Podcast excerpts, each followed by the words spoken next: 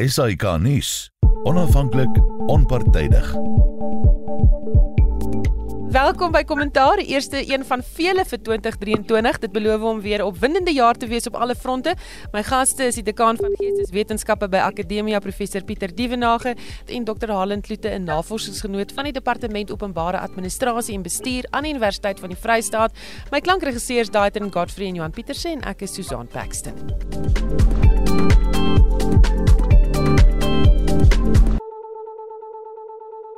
Goed, die ANC konferensie, die nuusvoorblaaie hier aan die einde van 2022 heeltemal oorheers. Daar was vrese dat president Cyril Ramaphosa nie die mas sou opkom nie en uit die kussings gelig sou word deur niemand anders as Dr. Zwelini Mkhize nie. Nuwe jaar, nuwe dinge. Pieter, kom ons begin by jou. Die leierskapstryd is vereers verby. Waar moet die ANC nou fokus? Wel, ek dink die ANC moet nou fokus om die land te regeer en uh Nou dis 'n groot vraag. Uh dit is uh, uh as mens nou kyk, mens kyk mos maar gewoonlik hoe het 'n party gevaar in 2022 en die jare daarvoor, dan lê 2023 nou werklik waar dis 'n groot groot uitdaging vir die ANC. Ten minste kan mens sê dat president Ramaphosa is nou beter in beheer. Ehm um, ek dink hy staan sterker as wat hy was in in die vorige ANC verkiesing en dat hy 'n span om hom het. As mens nou kyk na die top 7 wat aangewys is verlede jaar by die by die verkiesingskonferensie dan het hy top 7 wat tot 'n groot mate ek sou sê selfs so hoog soos 5 uit die 7 daarom redelik sterk uh, agter hom staan. En ook in die nasionale uitvoerende komitee en ek dink in die parlement het hy sy steun. So mense kan maar net hoop dat uh, president Ramaphosa van hier af uh met die oog op die verkiesing 2024 maar ook daarna want hy het nou 'n termyn uh in die ANC as president uh vir nog 'n 5 jaar dat hy baie sterk uh of sterker sal staan en meer ruggraat sal toon soos baie mense gesê het. Maar soos ons ook nou al gepraat het, hy het maar die Pala Pala albatros in die om die nek en dit gaan ook 'n uh, invloed uitoefen hoe hy in 2023 uh met sterkte en met meer determinasie as uh, leier van die ANC maar ook van Suid-Afrika gaan optree. En sommer so met die intrapslag gaan sukkel ons weer met 'n uh, beerdkrag en 'n syne en uh, Harlan na jou toe waarop gaan die ANC die komende jaar moet fokus om kiesers terug te wen? Ek dink uh, baie dankie. Uh ek dink die groot kwessie vir die ANC bly hoe om die uh, uitdagings van werkloosheidarmoede en ongelykheid aan te spreek. Daar is vir my geen twyfel dat die uh, dat die president is in 'n baie sterker politieke posisie as wat hy gewees het met Ysmagashule as sy sekretaris-generaal. As jy mens kyk na die top 7 is daar net een wat nie sy bondgenoot is nie en dit is Nomvula Makonyane. Uh, julle sal onthou dat sy was uh, in die Zondo-kommissie as hy uitgewys as wat uh, voordeel getrek het uit die vennootskap met uh, Bossasa. So ek is nie te seker dat sy uh, uh, baie lank daar gaan wees nie want die ANC op sy reël staan baie sterk sodra hy aangekla word moet hy dan op sy staan. So so die president het nou vir die eerste keer nie 'n verskoning nie. Ons weet almal dat die president is baie diplomaties. Hy speel die langspel hy probeer almal tevrede stel en dit is baie keer uh ten koste van van uh, in Engels praat hulle van decisive leadership en as daar een ding is wat ons hierdie uh, wat ons in die land nodig het is kollektiewe leierskap dat wat in die ANC toegelaat word of wat in die ANC uh uh gebeur het tog 'n invloed op plaaslike vlak. Ek dink dat die groot kwessies in hierdie land bly dat die plaaslike regerings wat nie werk nie en die politieke wil om dit te laat werk om om beter leiers na vore te bring. Die tweede kwessie is die kwessie van uh wat die ANC moet opvolg moet volg is om die uh beerdkrag tot 'n einde te bring. Uh want dit het 'n geweldige impak op die land en op die ekonomie en die siege van die land. En dan natuurlik vir my die groot ding is die onderwys. Die die die uh, dit is vir my die sleutel aspekte as jy wil kyk of 'n land 'n rooskleurige toekoms het dan moet jy kyk na die na die onderwys en die geleenthede wat geskep word. En ons doen verskriklik swak ook in die onderwys en die tersiêre opvoeding. En so mense hoop dat dat die nuwe ANC of die nuwe leierskap kos 'n baie meer dringendheid sal hê om om die land op 'n nuwe uh, tra trajectory te plaas en die vertroue wat Suid-Afrikaners besig is om te verloor in regering dat dit wel sal terugkom. Wat gaan die ANC die komende jaar moet doen om kiesers terug te wen? Wel, hulle sal met 'n groot uh hoe kan ek sê, kommunikasieveld tog na vore kom en hulle sal moet toesprake hou, maar soos ek dink Gert van der Westhuizen het dit baie uitgewys uh in sy analise van die van die verkiesing verlede jaar. Die die tyd vir toesprake is, is eintlik verby en die ANC kan met mooi woorde en groot kommunikasiestrategieë na vore kom maar ek dink wat Suid-Afrikaners wil sien gebeur is dade dat dinge gebeur en uh Halen het ook verwys na die energiekrisis en ons sal later ook dalk uh, in groter detail daaroor praat wat lê vir ons voor in 2023 wat dit aan betref. Maar uh daar is soveel wat gedoen moet word. As mens dink aan die staatsdiens as jy dink aan uh, ons uh, staatsamptenare wat kundig is moet wees wat moet professioneel wees ehm um, uh, eintlik uh, berus 'n staat se goeie funksionering tot 'n groot mate op die op die staatsamptenare ons het nie goeie eintlik veel daaroor gepraat nie.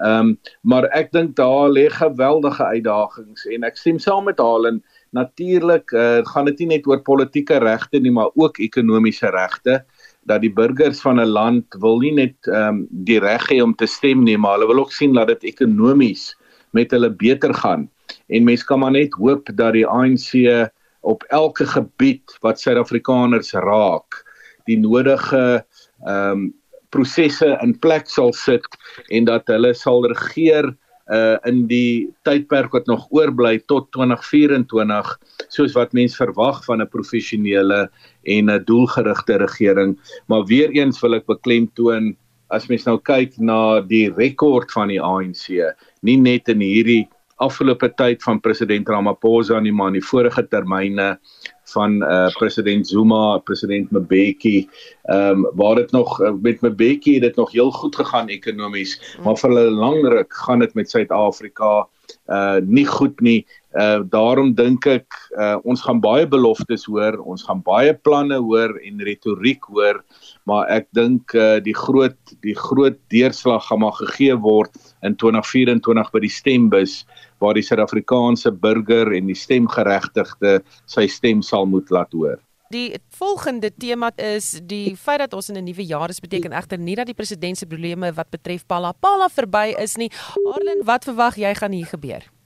Ek dink die groot datum is natuurlik uh die 19 Januarie wanneer die president uh hy sal onthou dat president uh Rama, uh, vorige president Zuma uh het 'n klag uh, gemaak teen uh, president Ramaphosa hom beskuldig dat hy nie gereageer het uh toe hy by die downer kom aankla by hom nie. So so die die president het uh, het verlede jaar die uh Jacob Zuma uh fondasie gesê om die saak terug te trek, hulle het eintlik geweier. So die groot ding is as die president nou formeel aangekla word, dan kom natuurlik die op sy reël ten sprake. En so is dit interessant wees om te sien uh wat wat daar gaan gebeur uh met die met die aanklag wat president Zuma gedoen het. In terme van die Palapala het die president die vorm beroep tot die konstitusionele hof eh om om want hy wil uh, verhoed die siening dat hy probeer uh hierdie saak uh appeleer appeleer appeleer en hy het uh, reg het gegaan aan die hoogste gesag toe om dan nou uitspraak te lewer oor hierdie Palapala saak wat soos 'n albatros rondom sy nek hang. Ek dink totdat hierdie saak nie uh daar is veel vrae, daar's soveel onduidelikhede. Daar's soveel goed wat vir my byvoorbeeld nie logies sin maak nie. Uh en 'n mens hoop dat dit dat dit tot 'n uh, 'n uh, 'n punt gedryf sal word en dat daar absolute duidelikheid sal wees en dat dat dat ons kan aanbeweeg om die om die groot kwessies wat die land raak in te spreek. Jy weet, wat vir my altyd hartseer is, is dat 'n mens hoor so min die regering se plan byvoorbeeld in ekonomiese inklusiwiteit. Wat is die regering se plan om die krippel kripperende staatsdiens regter en want want al hierdie goed wat hom uitspeel het het het het het bittermin te doen met die die gevoel wat die arme persoon op die straat het van hierdie ellende raak net nie beter nie. En so 'n uh, mens hoop hierdie goed kom tot op 'n punt sodat ons kan sodat die regering kan fokus op regering. Pieter, hoe gaan Ramaphosa te werk moet gaan om die aanslag teen hom te staai? Kyk, ek dink hy ehm um, hy het nou eerstens soos Halen ook sê, het hy hierdie Pala Pala saak. Dis die grootste aanslag teen hom. En hy die saak is nou op hersiening en hy moet nou maar uh uiteindelik sy sy sy weergawe gee van presies wat het daar gebeur. Kyk, die saak is op hersiening, so hy's nie op um hy's nie hy word nog nie aangekla nie want soos soos Halen korrek uitwys, dan is dit uh, dan kom die uh op sy reël in in spel. En uh so hy hy gaan op 'n manier veg vir sy politieke oorlewing want as hierdie ding skeef uitdraai vir president Ramaphosa, dan moet hy uit die aard van die saak uh bedank en uh so hy sal met sy regspan 'n baie goeie saak voorberei, moet voorberei en ehm um, sy kant van die saak stel en dan sal ons as Suid-Afrikaners ook nou uiteindelik duidelikheid kry oor wat daar by Pala Pala gebeur het. Ehm um, ek wil glad nie Pala Pala uh enigsins die erns van die saak ontken nie, maar mens moet onthou dat in terme van ander korrupsie in die in die ANC is dit ehm um, is dit 'n relatiewe um, 'n kleiner geval. Nie nie laat ek enigsins die die erns van die saak wil ontken nie en ek gun ook vir die president sy dag in die hof om nou presies precies vir ons te verduidelik wat daar gebeur het en en wat daar aan die gang was. Maar ek wil net 'n laaste punt byvoeg Susan en dit is dat die interessante is tog nou wel na die ANC se konferensie, verkiesingskonferensie, dat die visie president van die ANC is nie meer uh meneer David Mabuza nie. En dit is nou meneer Paul Masetele en by al die uh, vrae wat mense ook oor Paul Masetele kan vra hy het ook uh, jy weet hy is ook 'n uh, politikus wat uh, uit Alexandra kom en daar is uh, uh hy is nie onbevlek nie as ek dit so kan stel. Is ek tog meer gerus dat gestel dinge loop skeef vir president Ramaphosa? Is Paul Masetele 'n veel beter persoon om hom op te volg as uh David Mabuza wat nou stilweg van die toneel verskyn het. Maar daarmee wil ek nie sê dat ek dink president Ramaphosa gaan so maklik sy pos ontruim nie. Ek dink ehm um, dit dit dit gaan nie so maklik gebeur nie en my voorspelling is dat hy polities die Pala Pala kwessie gaan oorleef. Hmm. Harlan, laaste gedagte daaroor? Kyk, uh, David Mabuza het het nooit die indruk gegee dat hy wil president wees nie. Uh en Paul Mashatile het ons egter 'n uh, baie 'n uh, 'n uh, ander tipe uh politikus. Paul is ambisieus. Ek dink Paul sien homself as die president van die ANC in die langtermyn. So daar was baie uh uh David Mabuza, ons weet hy was baie in Rusland met sy gesondheid het so voors. En Paul Mashatile het 'n uh 'n uh, ander perd en so Ek dink die president gaan ook baie eh, van sy verantwoordelikhede, van sy verantwoordelike begine afskuif. Ek het nou net weer gedink, ek dink dis die uh in sy tweede termyn uh na 2024 uh ek dink Paul Mashatile sien homself dan as die volgende ANC president. En so die uh wat in die ANC gebeur, 'n mens kan sê dat die ANC is a, is a spent force uh dat dat hy nog nie meer die gewildheid nie, maar ek dink die ANC gaan nog vir 'n baie lang tyd saam met ons wees. Al is nie in regering 'n uh, 'n uh, 'n totale regering nie, dat wat in die ANC gebeur, het tog 'n groot impak in die in die res van die land. En so dit gaan baie baie interessant wees om te sien hoe hierdie nuwe uitvoerende komitee en die super 7 uh van die ANC hoe hulle uh, hoe hulle gaan uh, uh beheer en ook natuurlik die uh, kabinetskommeling. Ek dink uh, Nkosazana Dlamini Zuma was in die was in die verlede baie uithartend met die minister by by by die president. Eh uh, Lindiwe Sisulu is nou vir 'n lang uh, periode daag sy die president openlik uit en of die president dan nog gaan ruggraat wys met sy kabinetskommelinge natuurlik moet daar is daar ook baie mense wat moet beloon word. Byvoorbeeld eh uh, Oscar Mobanyani die leier in die in die uh Ooskaap wat 'n groot bondgenoot van hom is uh, en wat 'n groot delegate uh, die Ooskap sê dit is hulle wat wat die deurslaggewende rol gespeel het. En so die president moet ook natuurlik politieke uh, favors return. En so dit gaan interessant wees om te sien hoe die politiek homself gaan uitspeel in hierdie land. As daar een ding is wat niemand ons kan beskuldig dat Suid-Afrikaanse politiek vervelig is nie. Dit is dit is dinamies en dit is highly contested. En so uh dit gaan interessant wees inderdaad. Ja. Susan kan ek nog iets hier byvoeg ehm um, wat ek dink ook interessant is en dit is dat Paul Masatile deurdat hy nou die visiepresident geword het van die ANC is iemand wat baie sterk uit Gauteng kom. Ehm um, jy weet uit die Alexandra Township, ehm um, hy was lank in die plaaslike regering. Hy het 'n netwerk van ondersteuners in Gauteng, ja. maar die interessante van hom is hy het ook breër as dit gewerk. So, maar as jy kyk na die top 7 van die ANC, het omtrent almal van hulle sterk bande met Gauteng, uh wat 'n stedelike provinsie is. Uh al sê die sekretaris die die nuwe sekretaris gaan Raal Fikile Mbalula. Sê nee hy kom uit die Vrystaat uit. Hy's 'n Vrystaatse boetjie het hy eintlik maar sy tande uh geslyp in Gauteng uh tot 'n groot mate. Dieselfde ook uh, van toepassing op uh Gwet Montashe wat uit die Oos-Kaap kom oorspronklik maar hy is soveel jare in die vakbondwese in Gauteng en so aan en uh so hy is ook baie nou geassosieer met Gauteng. Die groot vraag is net vir my uh of die ANC wat hoofsaaklik sy sterkste steun nou kry uit die plattelandse gebiede of die meer ehm um, tradisionele gebiede van Suid-Afrika. Hoe gaan die organisasie funksioneer onder 'n leierskap wat meer vanuit Gauteng opereer as mense dit so op die oog af kyk. Wat gaan die verhouding wees en weet die die premiers, net die ou premiers van die Noordwes en Mpumalanga en die Vrystaat het nou half van die toneel af verskyn verdwyn as dit kom by die top 7 en uh, dit gaan baie interessant wees hoe gaan hierdie wat ek wil beskryf as 'n tipe tegnokratiese leierskap van die ANC en pro besigheid uh hoe gaan hierdie top 7 die komplekse organisasie wat die ANC is in 2023 lei op pad na die verkiesing in 2024 en verder vorentoe Ek dink ook in Fikile Mabulula onthou die die met Ysmagasule se verkiesing 5 jaar gelede was die was die organisatoriese vermoë van die van die uh, ANC het, het baie skibrig gelê met die met die takke onthou die ANC word opgemaak uit die takke uit. Uh Fikile is jonk, hy het 'n punt te probeer bewys, hy's ambisieus.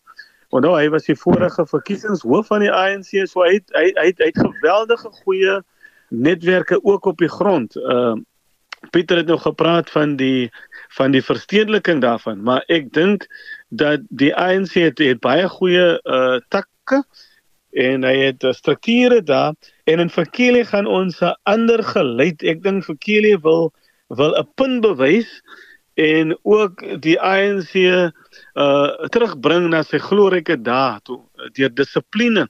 Jy weet daar is soveel daar daar is soveel faksies in die ANC. En en en om hierdie faksies bymekaar te bring en ek het dit baie duidelik gister gesê ook in sy in sy perskonferensie if you don't like it yeah dan dan daar daar is die deur. Ons kan nie uit verskillende oorde uitpraat nie. Uh die idee dat die ANC is die leier in die samelewing en wat in die ANC gebeur uh affekteer die res van die samelewing. Ek dink ons gaan baie sterker geleide in baie duidelikheid en 'n no nonsense benadering kry van die kantoor van die sekretaris-generaal en 'n baie meer aktiewe uh deputy uh, uh in in Paul Mashatile. Hy, hy het nie te waffers gevaar in die in die in die uh as tesourier-generaal nie. Ek weet die ANC kon nie sy mense betaal nie, etc. Uh uh en so maar ek dink met hierdie nuwe leierskapskop korps wat die wat die president voel dat sy mense het gewen het dis dis met mense met wie hy kan werk. Gwedi Mantashe wat die laaste 3 weke uh gewys het van watter waarde is polities vir die president deur hom so te ondersteun. Uh dink ek die president sal 'n klein bietjie ligter slaap wetende dat hy hoef nie die hele tyd onder sy uh oor sy skouer te loer en dat ons kan aangaan met die besigheid om die land te regeer, die ANC. Goed, kom ons gaan aan na 'n volgende tema toe. Ek wil iets sê oor koalisies of ek wil hê eerder julle moet ietsie sê oor koalisies. Hoe groot gaan die fokus op koalisieregerings wees die komende jaar in aanloop tot 2024, Pieter? Ja, ek dink koalisiepolitiek is hier om te bly. Ehm um, dit het nou deel geword van ons in die af die weet die afgelope jaar 2022 het koalisiepolitiek uh baie sterk na vore getree. As mense nou net dink aan die metros, Kuiberga, uh jy weet die baai uh en dan veral hier in Gauteng, het mense nou al interessante gevalle studies van wat werk en wat werk nie.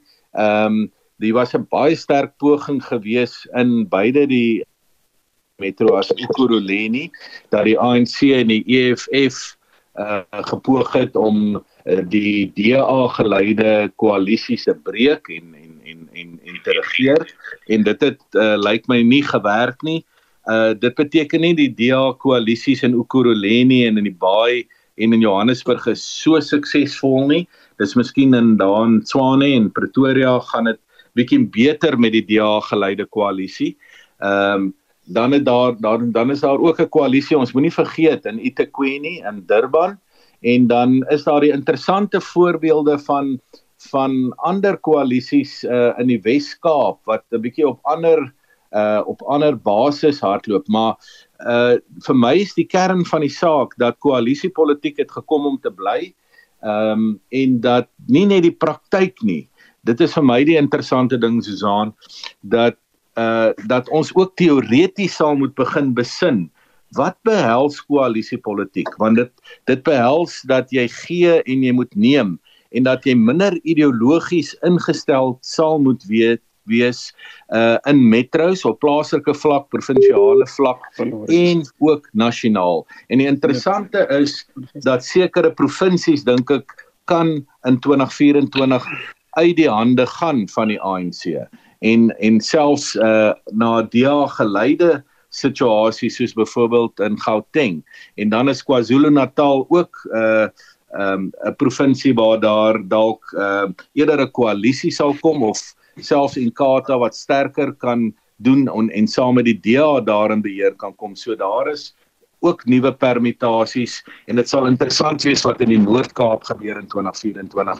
So ons beweeg nou nie net prakties nie, maar ook teoreties en filosofies in 'n rigting waar koalisiepolitiek en wat dit vereis van ons as burgers uh van wat dit gaan vereis van ons as land ook van die staatsdiens uh om om om onsself reg te maak vir ja. wat hierdie politiek inhou en wat daarmee saamhang.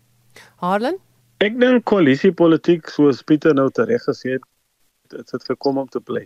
Ek dink Suid-Afrikaners wil polities uh hulle hulle wil koalisies hê en wat dit is duidelik as jy mens kyk na die 1 November verkiesing in 2011 het dit het die koalisie uh, ek dink daar's nog iets soos 61 plaaslike regerings wat nie 'n volstrekte meerderheid het nie.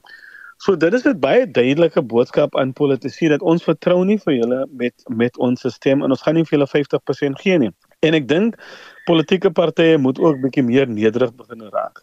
En en en vra as ons as ons dit dan so interpreteer, dan sê die kiesers eintlik werksaam. In dieselfde asem, weet jy, uh, moet die burgerlike samelewing. Ek dink ons sien dit al hoe meer in Suid-Afrika dat die burgerlike samelewing verloor sy vertroue in die politici. Politici is daar om na sy eie belang om te om te kyk en te en, en te oorleef na die voor na die volgende verkiesing toe. Maar die burgerlike samelewing uh, sal homself ook baie duideliker moet organiseer in hierdie koalisie want as ons praat is nie net in hierdie twee politieke partye nie. Ek dink die ander dag hierne politieke partye is baie vinnig om 'n uh, om 'n uh, uh, in Engels hulle vote of no confidence deur die raad te gee en dan staan die gemeenskap maar buitekant. Ek dink dit het tyd geword dat die gemeenskappe ook hulle hulle hulle mag begine besef en sê hoe hoe plaas ons 'n vote of no confidence ook in politieke partye maar in hierdie koalisies waar koalisies werk uh Susan is waar daar 'n gedeelde waardes is. Wanneer mense konsensus bereik oor wat is die wat is die plaaslike of wat is die wat is die kernaspekte wat ons gaan aanspreek en wat is die hoe ons dit gaan doen So uh, ons het ook 'n plaaslike regering byvoorbeeld minder minder uh uh minority coalitions en majority coalitions. In minority coalitions is dit is dat nie, niemand kry 'n volstrekte 50% nie en dan die wat agterbly, hulle vorm 'n koalisie teen die wat die meeste stemme gekry het. En so het jy dat die kleiner partye baie keer die groter partye rondjag. Nou Die kiesers het dit baie duidelik vir die ANC vanaand en vir die DA. Kom in 'n kamer en kyk hoe ons kan saam regeer. Hoekom kan die ANC en die DA nie uh die wil van die kiesers respekteer en saamwerk nie? Dis nie onmoontlik nie. Jy sal onthou Suid-Afrika se begin wegspringplek was 'n was 'n 'n regering van nasionale eenheid of 'n koalisieregering waar ons konsensus het oor waarna toe ons gaan. Hierdie polarisering van uh links en regs Suid-Afrikaners dink ek in algemeen is maggematig. Hy wil uh, veilig, hy wil veilig wees. Hy wil uh die beste persoon wees wat hy kan wees en hy moet goeie geleenthede vir almal skep. En so ons moet leer in hierdie land om saam te werk inklusiewe ekonomie, inklusiewe politiek en nie eksklusiewe politiek van ek is beter as jy nie, maar hoe sit ons ons idees saam, nie net as politieke partye nie, maar ook as burgerlike samelewing. Die kerk is die slapende ek dink die kerk is vas aan die slaap hier vanaand. Die uh, gemeenskapssportorganisasies is vas aan die slaap. Ek dink baie keer word hierdie uh, ons ons gee politieke partye te veel mag asof uh, asof die kerk en burgerlike samelewing nie 'n rol te speel het in dit nie. Hmm. Uh, dis 'n baie interessante punt wat jy daar maak Hallen en ek weet Pieter jy wou ook iets gesê het oor sport uh, weet van die afgelope jaar hmm. 2022 en en wat dalk voorlê in 2023. Ja, kan ek sommer uh, hier by inkom um, oor sport. Kyk, vir my was die teleurstelling in 2022 maar was steeds Bafana Bafana wat nie werklik uh, as jy kyk wat se infrastruktuur daar is en wat se geld in in sokker Suid-Afrika is dan was dit 'n teleurstelling dat ons nie verlede jaar by die wêreldbeker was nie. En dan ehm um, wat die springbokke aanbetref dink ek uh, die springbokke is vir my besig om in 'n opwaartse spiraal te gaan. Ehm um, daar was nou wel die toer verlede jaar wat nou waar hulle net net verloor het teen Ierland en teen ehm um, teen Frankryk. Maar vir my is die Springbokke veral omdat hulle nou met 'n uh, met 'n klomp nuwe talent wat deurvloei, dink ek met redelike selfvertroue kan gaan na die Wêreldbeker later vanjaar in September Oktober in Frankryk. Ek dink Suid-Afrika gaan gaan weer 'n baie sterk uh uh, um, uh, baie sterk uh, kandidaat wees vir die wêreldbeker. Ons speel natuurlik in die kom in in in die komende wêreldbeker teen Ierland in die voorfases en die kans is goed dat ons die All Blacks gaan kry in die kwartfinale en dit gaan baie hard wees maar maar as ons oor daai twee hekkies gaan glo ek uh, ons kan ons kan weer die uh, wêreldbeker neem. Ander uh, vir my positiewe dinge was uh uh Banyana Banyana die vroue sokkerspan wat Afrika gewen het. Ehm um, maar dit lyk nog of ons vroue ehm um, uh, rugby span by die wêreldbeker verlede jaar en sowel as in die sewes nog 'n paadjie het om te loop. So dit is en dan praat ek nie nou oor die cricket nie. ek dink cricket Suid-Afrika is in 'n groot krisis en as jy mens dink aan die enorme talent wat daar in Suid-Afrika is wat cricket aanbetref, dan hoop ek maar net dat die administrasie by cricket Suid-Afrika beter sal word. Hmm. As mens nou moet vergelyk tussen Jukskei en cricket, dink ek die Jukskei liga kan dalk beter vaar in die komende jaar. Wat dink jy, Harren? ek wil ek wil gou terugkom na na Bafana toe. Ek dink die wêreldbeker eh, wat nou sopas het almal se verbeelding ingegryp. Sokker is regtig 'n wêreldsport. Die hele wêreld speel speel sokker. Ek kan nie verstaan as jy mens kyk na die na die strukture op skole rugby. Uh uh sokker moet de, ek kan nie verstaan hoe die hoe die sokkermense nie by die rugby mense kan gaan leer in terme van strukture nie ons het nie 'n goeie jeugakademiese stelsel vir sokker in hierdie land nie. Ons het hoërskole in die Parel omgewing waar waar ek byvoorbeeld bly.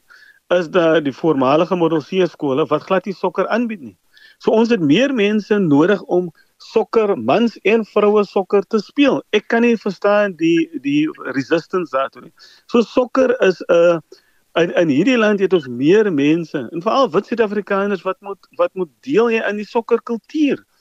Dit is 'n werklike en as ons dit kan regkry, as ons die skole en junior uh uh stelsel van rugby oordra na sokker toe en mans en vroue toe, dan gaan ons 'n groot reus wees in in hierdie wêreld. Uh in terme van die cricket, die vroue cricketspan, ons het die wêreldbeker wat hierdie jaar plaasvind ook in die uh uh van die wedstryde gaan ook in die Parel gespeel word.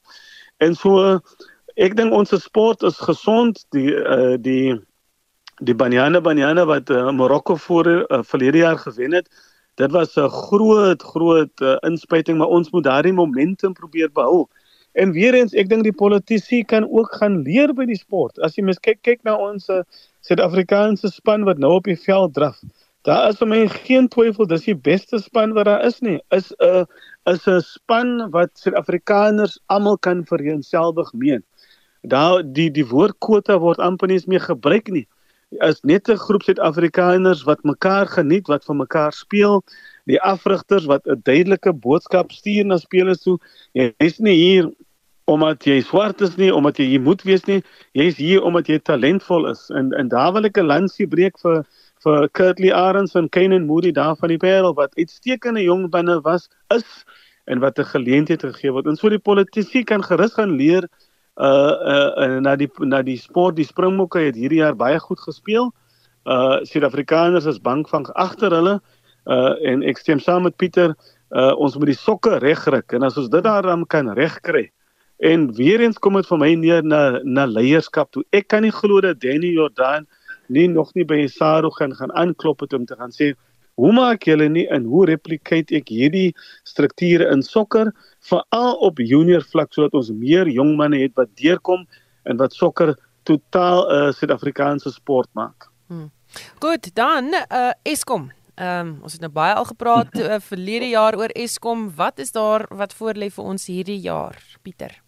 Ja, kyk die uh die die vooruitsig lyk nie goed nie. Dit is baie hartseer want uh soos ons ook al baie daaroor gepraat het dat uh, een van die fondamente, een van die hoekstene van 'n suksesvolle land, van 'n moderne geïndustrialiseerde en post-geïndustrialiseerde land is maar sy energie ehm um, sy energiebasis en die ons sien dit ook nou ons gaan nog later ook by die Oekraïense geval kom hoe sukkel die Oekraïners en hoe sukkel Europa met die afsny van gas vanaf Rusland na na Europa. Maar as jy nie 'n goeie energiestelsel het nie en as jy nie ehm um, beplan nie, want dit help nie net jy het energie vir die oomblik nie. Jy moet die heeltyd beplan, jy moet die heeltyd kyk waar kry jy jou energie vandaan en wat is jou toekomsmoontlikhede. Die dilemma van uh die bestuur van Eskom is dat ons al reeds in die laat 1990s geweet het uh wat die vooruitsigte was van uh krag uh ontwikkeling en kragbeplanning in Suid-Afrika. Uh en dit is nie nagekom nie. En in 2008 het die eerste vorm van beerkrag ons getref. Ehm um, dit het 'n bietjie beter gegaan in die Zuma jare. Ek weet nie presies hoe dit bestuur is nie. Dalk party mense sê dit is juist daar waar die probleme begin het want die bestaande uh, kragstasies is werklik in die grond in uh, uh gebruik en en weer eens was daar nie beplanning en onderhoud nie. So hier sit ons nou in die jaar aan die begin van 2023 en uh ek dink die vooruitsigte lyk nie goed nie. Uh ons het nou beweeg uh wat ek vroeër ook al beskryf het uh, van krisisbestuur nou na permanente krisis toe. En uh mense kan maar net hoop nou met die verkiesing van die ANC en met die verskywing van die verantwoordelikheid van Eskom na die ministeriële portefeulje van meneer Gwet Mantashe dat daar daar dat daar da hopelik beter koördinering gaan wees tussen die president en hierdie spesifieke minister. En dat 'n mens in 2023 darm ten minste kan hoop vir tekens dat ons in 'n beter rigting beweeg maar ek uh, ek moet sê my hoop is nie baie groot in 2023 nie. Ek dink ons gaan eerder nog voortgaan met hierdie krisissituasie rondom Eskom en dat uh dat uh die die vooruitsig vir die komende jaar nie rooskleurig lyk nie. Ek sou baie graag 'n ander 'n ander uh, kyk in die kristalbal wou gehad het Susan, maar ek moet ongelukkig daarby volstaan. Mm, Harlan Susan, weet jy my dogter herinner my die ander dag ons is nog by die 14de jaar van beeskrag. Maar ek dink die laaste 6 maande het dit ons regtig uh uh gehit as ek dit so mag sê. Uh so ek ek is ek stem ongelukkig saam met uh, Pieter daar dat dit lyk nie dat die dat die situasie beter gaan raak nie. Wat ons wat ons wel egter moet moet moet hê is dat die die kundigheid wat daar is en ding die regering erken ook dit. Ons het nou 'n uh, 'n nuwe sosiale kompak nodig. Ons kan nie nou meer gaan kyk as 'n persoon wit of as hy of hy swart wanneer dit kom by vaardighede om Eskom te red nie. Ons het die ons het die sake sektor nodig en ek glo ons het ons het baie goeie sakemanne in hierdie land vanaf die van van die hele spektrum. En so ons moet nou koppe met mekaar sit sake sektor, al die sektore van die samelewing, ons moet nou koppe by mekaar sit. En sê, weet jy, basta nou, kom ons kyk hoe ons hierdie ons hierdie skip red, want die probleem met die krag is dit affekteer almal en al die mense het ongelyk. Dit dit dit tref nie onderskeid tussen die ryk woonbuurte en die arme woonbuurte nie. Almal word geaffekteer deur hierdie beerdkrag en uh, die ekonomie lê daaronder en die produktiwiteit lê daaronder die siege van die Suid-Afrikaner lê daaronder en uh, uh, ons moet uh, as nou een geleentheid is vir ons om saam te staan is om al ons kreatiewe denke bymekaar te sit en te sê hoe, hoe los ons hierdie probleem op want dit is baie duidelik dat die regering alleen kan dit nie doen nie Ons gaan nou na die buiteland toe en die Britte het 2022 op 'n laagtepunt afgesluit met die skommeling in die regering daar, die koningin wat gesterf het en die stakings in die nasionale gesondheidsorgsektor. Pieter sal die land polities begin ja. stabiliseer. Ek ek dink uh, die weet dit is daarom 'n uh, dit is daarom 'n baie baie groot land uh, met 'n enorme geskiedenis. Kyk, die interessante is Indië het pas vir die Verenigde Koninkryk uh, verbygeneem uh verbygevat in terme van die grootste ekonomie uh in terme van wêreldstandaarde. Ek dink die Britte was die 5de grootste ekonomie, nou is Indië die 5de grootste een uh en die Brittanje die 6ste. Maar ons praat van 'n land wat die 6ste grootste ekonomie het. So dit is nie dis nie klein nie. Dit is uh dis groot, maar hier's groot ekonomiese probleme in Brittanje. En ons het dit gesien, wat 'n uitsonderlike jaar was dit nie 2022 nie uh drie eerste ministers in 1 jaar. Boris Johnson, Liz Truss en toe Brittanje geëindig met Rishi Sunak wat nou die eerste minister is op die in die nuwe jaar 2023. Ek dink uh dat uiteindelik sal die ekonomiese situasie in Brittanje stabiliseer. Uh maar uh dit bly maar nog steeds 'n vraag die hele gebeure rondom Brexit het het 'n sekere vorm van van verandering ingebring in Brittanje die afgelope kom ons noem dit nou maar 6, 7, 8 jaar. En ek dink van die ekonomiese probleme wat jy het in Brittanje is ook maar nog 'n uitvloeisel van Brexit. En dan is dit natuurlik uh ander probleme is maar wêreldwyd die geval inflasie op die oomblik in Brittanje die probleem met gas toevoer met ander woorde energie wat 'n uh, hoeksteen is van 'n moderne ekonomie uh hulle sukkel daarmee maar ek dink uiteindelik 2023 behoort die Britte met hulle kenners en die bank van Engeland en uh weet die gesofistikeerde aard van die Londense kom ons noem dit nou maar finansiële wêreld behoort dit uh die ekonomiese uh uitdagings aan te spreek. Ek wil net op 'n ander ding tog wys Susan en dit is dat die Britte gaan nou 'n nuwe toekoms in met 'n nuwe koning. Dis nou koning Charles die derde en dit bring ook simbolies 'n heel nuwe 'n wêreld na vore. Kyk, eintlik het president Charles nog baie min gesê sedert hy die troon bestyg het, maar sy inhuldiging is nou in hierdie jaar, ek dink is dit ehm um, in Mei of Junie en dit gaan baie interessant wees hoe hy sy hele posisie as koning en ook sy koningskap gaan invul ek sien nogal uit daarna om te sien hoe hy sy rol speel en mens moet onthou die Britse koning al is dit 'n simboliese posisie wat hy het al is dit 'n konstitusionele monargie het is daar 'n baie interessante samehang tussen die Britse koning en sy regering. En hoe gaan die verhouding nou wees tussen hom en Rishi Sunak en die konservatiewe party wat aan bewind is en alles dui daarop mm. dat die arbeidsparty in die toekoms in Brittanje ook weer sterker kan word. Wat gaan van Brittanje word in die komende maande? Ek sien nogal baie uit daarna koning Charles se so optrede baie fyn te volg. Harlan, jou gevoel oor die Britte? Die Britse politiek net soos die Amerikaanse politiek, ek het op 'n stadium gedink toe daar so 'n krisis is met die presidentskap daar Miskien moet Suid-Afrika hulle maar nou inval en gaan en gaan help daar uh, uh, in terme stabiliteit.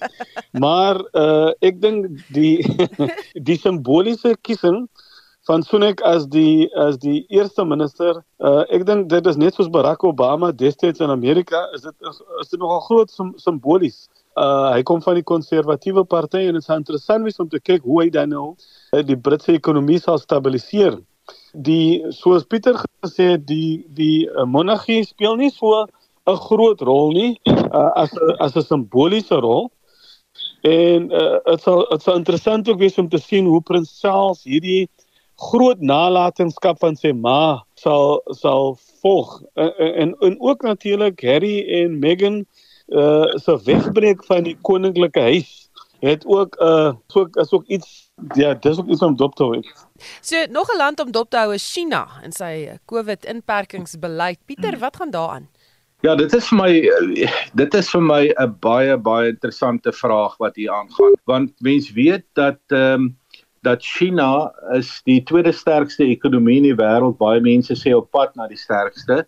En wat nou plaasgevind het intern in China die afgelope jaar en ek dink mense sal dit moet fyn dophou uh, in 2023 is dat China het nie net sy COVID uh, situasie weer baie sterk toegepas nie. Jy weet met die met die maatreëls om die bevolking in te perk en so aan. Party mense het 'n meer diaboliese interpretasie daarof, 'n sinisterre in dit interpretasie. Dit is 'n manier van die uh, Chinese regering om sy mense onderdanig te hou met hierdie verdere streng COVID maatreëls, maar mediese kenners sê aan die ander kant nee, die enstowwe was nie so groot sukses in in die geval van eh, Shinani en daarom moet hierdie maatreëls nou weer afgekondig word. So in daai opsig het die Chinese ekonomie 'n knou gevat.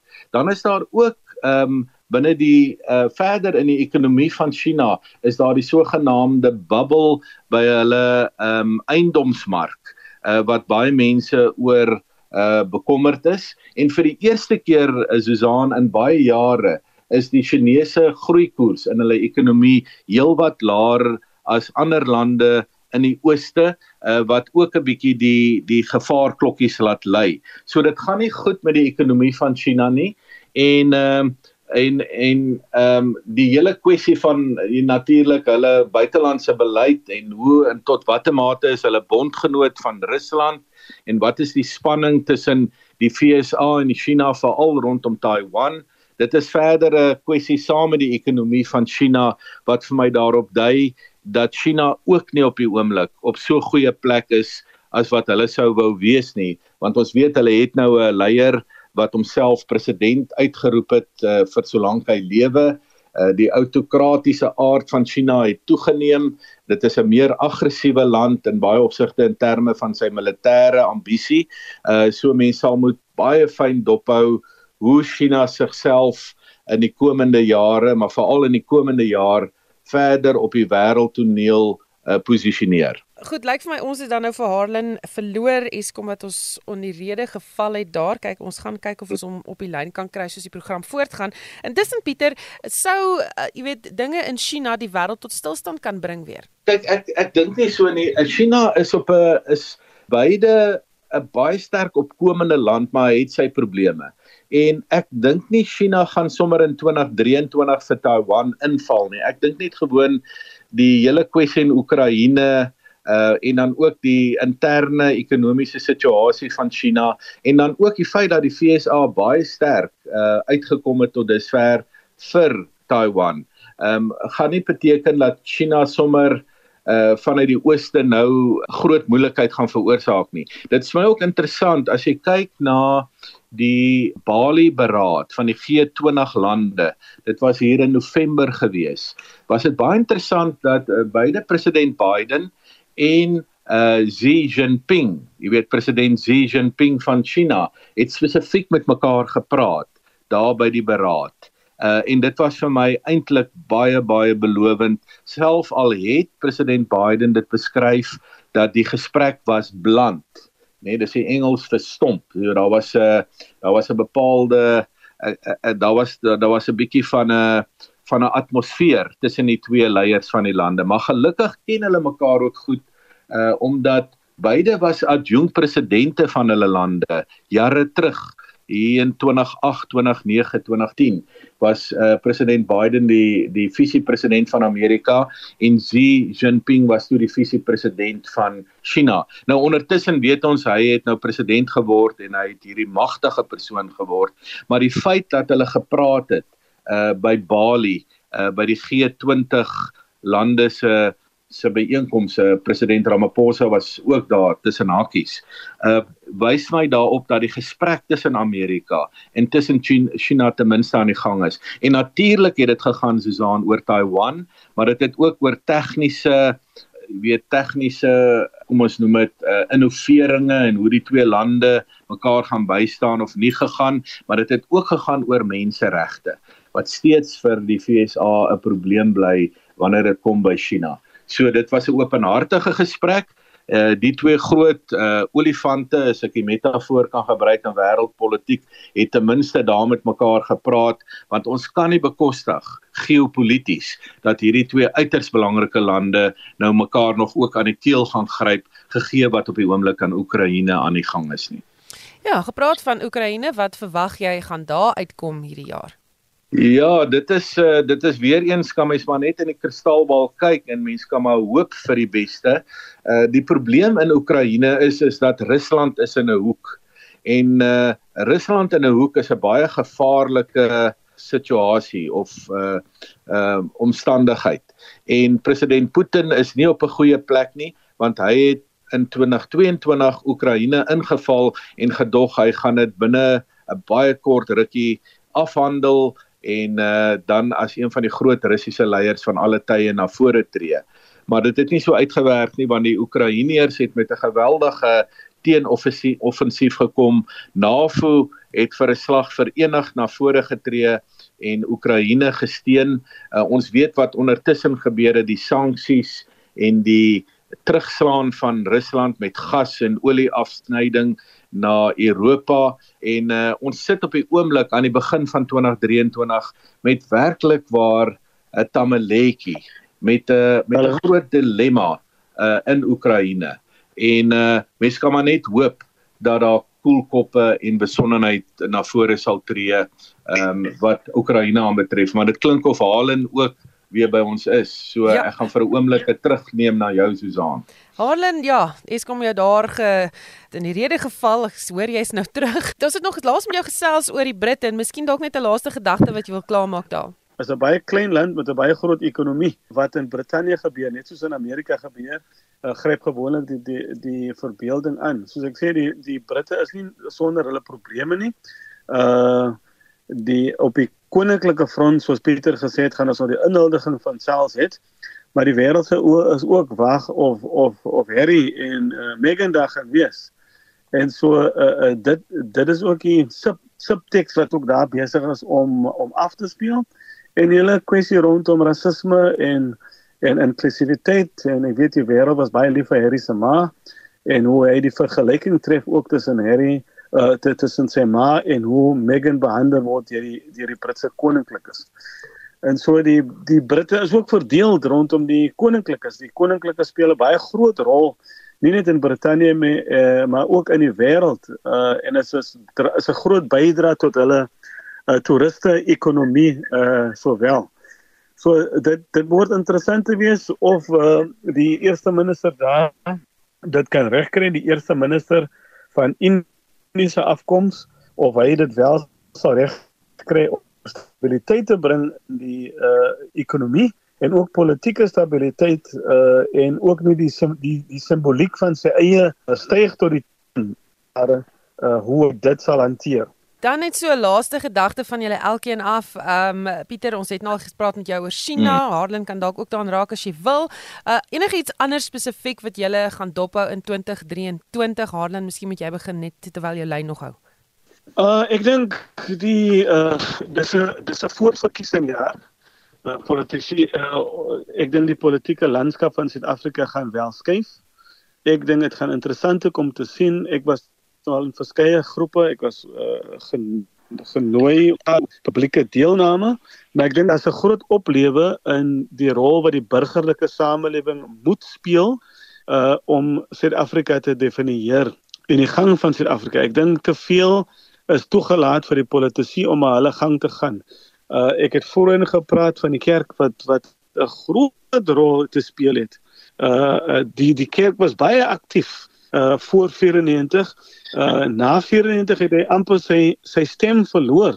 En so die burgerlike samelewing die die religieuse samelewing het 'n baie baie groot rol om te speel en interessant te wees hoe hulle hulle dan hulle self uh, organiseer. Gaan interessant wees om dit ook dan nou dop te hou. En hoe uh, regering se planne nie net praat nie maar dit wel by implementering sal kom. Die groot probleem in ons land is implementering dat ons implementeer nie die goeie beleid wat ons het nie. Ons kan baie goed praat, maar dit ons uh, dit lyk by doen. Iemand het eendag in 'n konferensie gesê praat is afdrand, doen is opdrand en ons het meer doeners in die land nodig. En ek hoop dat die burgerlike samelewing saam met die regering 'n uh, 'n nuwe bestel daar kan kan kan sit. Pieter, jou laaste gedagte? Ja. My laaste gedagte, ek dink daar wat mens moet voor, vooruitkyk in 2023 is natuurlik ook die FSA. Ons het nou nie veel daaroor gepraat nie. Dit is ook soos Halen gesê het, 'n voorverkiesingsjaar in Amerika. Uh mense sal moet sien hoe die dinge nou opbou na die Amerikaanse presidentsverkiesing in 2024. Ehm um, dit lyk vir my uh of die demokrate dalk weer met president Biden kan gaan ek is tog bekommerd oor sy ouderdom en so aan. Die Republikeinse kant wonder ek of uh, president Trump nog die Republikeine se kandidaat gaan wees vir al wat gebeur het in die in die middeltermyn verkiesing waar baie van sy kandidaate dit nie gemaak het nie. En dan wil ek net so drie ander goedjies aanmeld vir 2023. Uh die eerste een is die wêreldbevolking. Jy weet ons het verlede jaar by die 8 miljoen uh, merk gekom by mense op op aarde. En die voorspelling is dat ons 9 miljard mense gaan wees oor 15 jaar en dat die dinge dan geleidelik gaan afplat 10 miljoen eers in die jaar 2080. So dit lyk daarom demografies gesproke of die wêreldbevolking aan die afplat is. In Suid-Afrika is die interessante dat ons uh, in die volgende paar jaar tot by 2050 'n uh, ouer wordende bevolking sal word wat implikasies het vir uh, vir hoe ons ehm um, jy weet ons uh, self gaan ervaar in Suid-Afrika. En dan net twee laaste punte op 'n meer internasionale vlak maar wat ook Suid-Afrika beïnvloed Susan. Ek dink daar gaan nuwe tegniese ontwikkelinge wees op die gebied van kunsmatige intelligensie waarop ons bedag moet wees uh dat masjiene al 'n belangrike rol gaan speel in die samelewing, nie net internasionaal nie, maar ook plaaslik. En dan is die groot vraag, uh word die vryheid van die mens nie deur masjiene bedreig nie? Dis die een punt.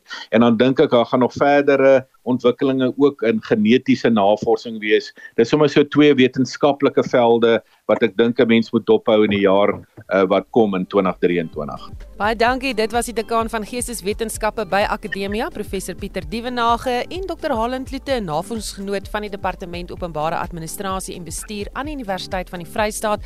My klankregisseurs is Daitrin Godfrey en Johan Pieterse en ek is Susan Paxton.